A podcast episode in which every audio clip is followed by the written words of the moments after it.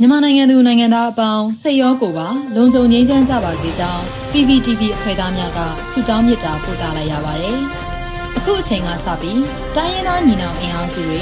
ပြည်သူ့ကာကွယ်ရေးတပ်မတော် PDF တပ်သားတွေနဲ့ပြည်သူလူထုတို့ရဲ့အရှိန်အဟုန်မြင့်လာတဲ့တိုက်ပွဲသတင်းတွေကိုစူးစီးတင်ဆက်ပေးသွားမှာဖြစ်ပါတယ်။ကျွန်မຫນွေဦးလင်းအိမ်ပါ။ပ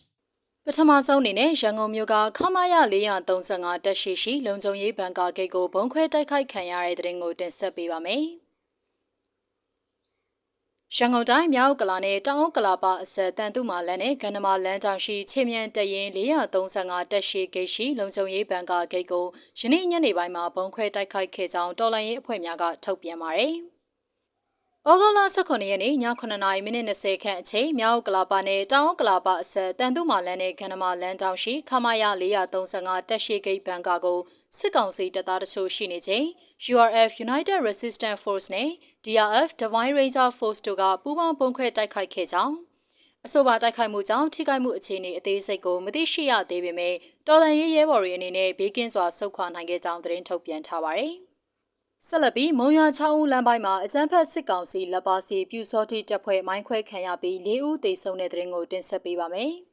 ။စကိုင်းတိုင်းမုံရချောင်းဦးကားလမ်းပိုင်းမှာအကြမ်းဖက်စစ်ကောင်စီလက်အောက်ခံပြူစောတိတွေကိုယမန်နေ့ဩဂုတ်လ18ရက်နနက်6နာရီခန့်အချိန်မှာဒေသကာကွယ်ရေးတပ်ဖွဲ့တွေကမိုင်းခွဲတိုက်ခိုက်ခဲ့ရာစစ်သား၄ဦးသေဆုံးပြီး2ဦးဒဏ်ရာရကြောင်းသတင်းရရှိပါရယ်။ ပြူစောထီတွေဟာ6ဦးမြို့နယ်တောပုကျေးရွာမှာတဆင်မုံရမန္တလေးကားလမ်းမကြီးပေါ်သို့တက်လာပြီးလမ်းသွားလမ်းလာတွေထံမှပတ်စံတောင်းယူဖို့လုပ်နေချိန်ဒေသကာကွယ်ရေးတပ်ဖွဲ့တွေကမိုင်းခွဲတိုက်ခိုက်ခဲ့ခြင်းမှာ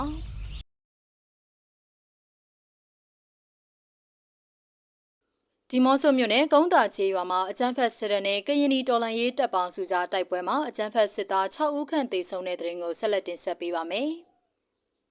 ကရင်ပြည်နယ်ဒီမော့ဆိုမြို့နယ်ကုန်းတာကျေးရွာမှာအကြမ်းဖက်စစ်တပ်နဲ့ကရင်တော်လှန်ရေးတပ်ပေါင်းစု KRU ကြားမနေ့ကဩဂုတ်လ18ရက်ညနေမှာတိုက်ပွဲဖြစ်ပွားခဲ့ပြီးအကြမ်းဖက်စစ်သား6ဦးခန့်သေဆုံးနိုင်ကြောင်း KRU ကသတင်းထုတ်ပြန်ပါတယ်။မနေ့ကညနေ၄နာရီခွဲမှညနေ6နာရီခွဲအထိ2နာရီကြာတိုက်ပွဲဖြစ်ပွားခဲ့ပြီးလက်နက်ကြီးလက်နက်ငယ်တွေနဲ့အပြန်အလှန်ပစ်ခတ်ခါတိုက်ပွဲပြင်းထန်ခဲ့ပြီး KRU ဘက်မှရဲဘော်တအုပ်မစိုးရိမ်ဒဏ်ရာရကြောင်းသိရှိရပါတယ်။